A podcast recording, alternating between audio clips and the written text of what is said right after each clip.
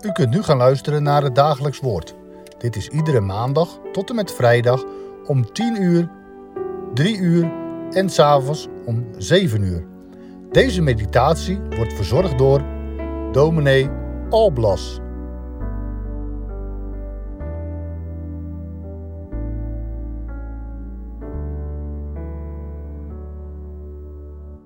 Van harte welkom bij deze uitzending van het Dagelijks Woord. We lezen uit het Evangelie van Marcus en vandaag staat Marcus 4, vers 27 tot en met 29 op het rooster. De gelijkenis van het zaad. Ook zei Jezus: Zo is het koninkrijk van God. Als wanneer iemand het zaad in de aarde werpt en slaapt en opstaat nacht en dag. En het zaad ontkiemt en komt op zonder dat hij zelf weet hoe.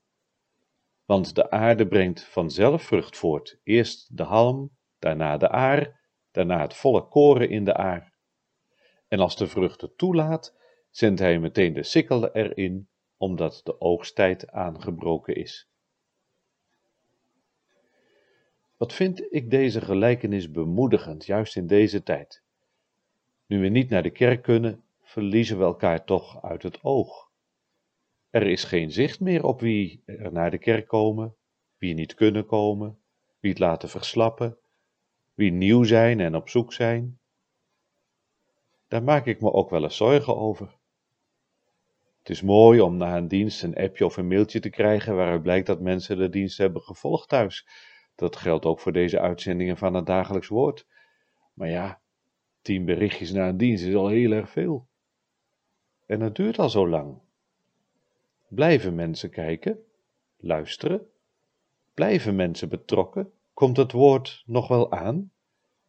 Is er nog iets van groei in het persoonlijk geloofsleven? Wordt de dagelijkse en wekelijkse voeding die daarvoor nodig is gebruikt? En wanneer straks de kerken weer open gaan, laten we hopen en bidden dat dat moment toch snel komt, stromen de kerken dan weer vol of zullen er grote gaten zijn? En waar zit u bij al deze vragen?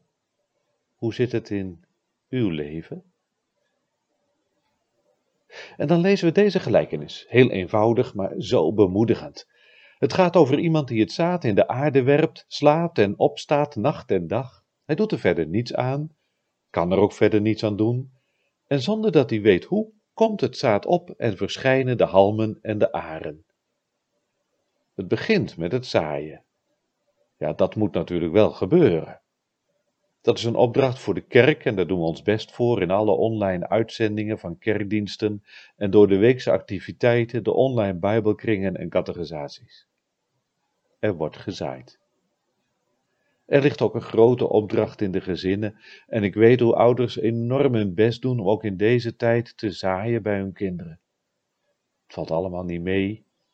Je kunt wel eens moedeloos raken je ziet zo weinig resultaat. Maar toch gaan we er stug mee door. En deze gelijkenis stimuleert mij om ermee door te gaan. Want, zo lezen we, de zaaier zaait, maar verder kan hij niets doen, zonder dat hij het zelf weet, zo staat er. Meer nog dan nu werd het groeien in de natuur als een wonder beleefd. Hoe is het mogelijk? Je gooit een klein korreltje in de grond en zonder dat je er verder wat aan doet, komt er iets tevoorschijn. Het wonder van leven en groei. Het past allemaal precies in elkaar, precies de goede volgorde, zodat er iets tevoorschijn komt wat we kunnen gebruiken voor ons dagelijks eten. Oh, wij beleven dit wonder wel wanneer er een periode van zwangerschap is en geboorte van een kindje. Maar het is het wonder van de hele schepping. En het gaat vanzelf. In het Grieks staat er automatisch. Ja, maar een wonder is nooit automatisch. En dat is ook het bemoedigen in dit beeld, wat ook op andere plaatsen in de Bijbel wel voorkomt. Een wonder is een goddelijk werk, ook hier. God geeft de groei, de vrucht. En God zorgt daar echt voor. En daar zit voor mij de bemoediging. Ik maak me zorgen over het leven en de groei van de gemeente.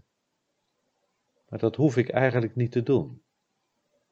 Onze opdracht is om te zaaien en dan verder aan God overlaten. Heb vertrouwen op God.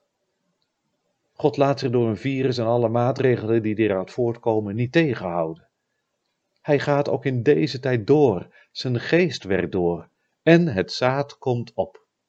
Een wonder van hem. En zo nu en dan hoor ik ook van die bemoedigende berichten. Mensen die nooit naar de kerk kwamen, maar nu wekelijks een kerkdienst volgen. Mensen die niet zo bezig waren met het geloof, maar nu een afhankelijkheid en kwetsbaarheid weer hebben gezien en een toevlucht bij God gezocht hebben. God draait zo vaak verzet om in zijn voordeel. Het lijkt alsof er minder gezaaid kan worden. Het lijkt alsof de kerken dicht zitten. Maar in werkelijkheid gebruikt God deze tijd en de middelen van deze tijd om mensen te bereiken die wij al langere tijd kwijt waren. Zo wonderlijk. Vertrouw op God. En nee, dat betekent niet dat we alles maar loslaten. Het is een oproep tot gebed. Leg het in de handen van God. Leg elkaar, leg je kinderen en je kleinkinderen voor die troon van zijn genade neer. En God doet grote dingen. Nog even terug naar de gelijkenis. Het gaat daarin wel om meer dan het geloof in de harten van mensen. Het gaat om het koninkrijk van God. Dat is in de Bijbel een uitdrukking voor het rijk van Jezus Christus. Het is een term die onze ogen richt op de toekomst van het vrederijk, waar alles heel is. Maar het is ook een term die te maken heeft met de aanwezigheid van dat rijk in de wereld van nu.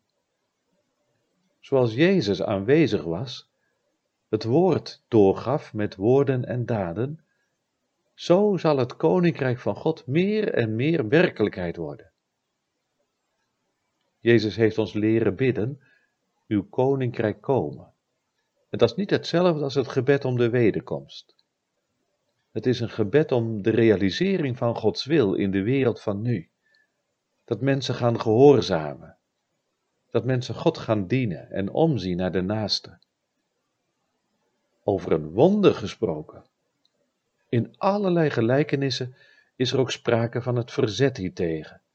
Dat verzet zit in de wereld, dat verzet komt van de duivel, dat verzet zit in ons eigen hart. En meer dan eens lijkt dat verzet het te winnen. Maar God werkt. En juist hier is dan de naam van Jezus de naam van hoop en zekerheid tegen de zichtbare werkelijkheid in soms. Dat wat eruit ziet als een kruis, als een einde, dat is de overwinning. Toen Jezus stierf, werd het verzet tegen God gebroken. En toen Jezus opstond uit het graf, werd de overwinning werkelijkheid. Het verzet is nog niet uitgeschakeld, maar eens zullen alle vijanden onder zijn voeten worden neergelegd en de laatste vijand is de dood. Het gaat in deze gelijkenis om onze grote koning, de gekruisigde die leeft. Geloof in hem, vertrouw hem, vertrouw je toe aan hem. Daar ligt de bemoediging.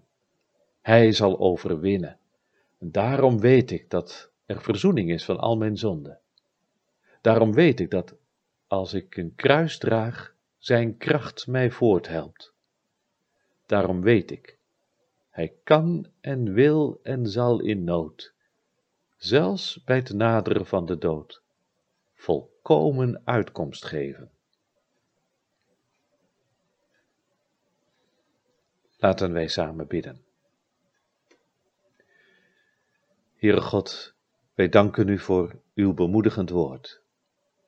Wij maken ons wel zorgen, maar leggen ook onze zorgen voor u neer. En wij vragen u ook voor onszelf om doorzettingsvermogen, zodat we zullen blijven zaaien, als kerk, als ouders en iedereen op de plaats waar we gesteld zijn. We voelen ons vaak machteloos, maar u bent de machtige. O God, help ons om op u te vertrouwen. En Heere, wilt u door blijven werken ook in deze tijd. Open harten voor uw liefde en genade. Doe uw koninkrijk komen. En waar mensen ziek zijn, wilt u tekenen van uw rijk geven door genezing. Waar mensen alleen zijn, wilt u tekenen geven van uw rijk door dicht bij hen te zijn en hen te bemoedigen. Waar mensen het naderen van de dood onder ogen moeten zien. Geef hen vergeving en uitzicht. En laat ons toch het licht van de wereld zijn, zodat ook andere mensen zien wat u doet in en door ons heen. En ook zij u zullen verheerlijken. Doe uw koninkrijk komen. Hoor ons om Jezus wil. Amen.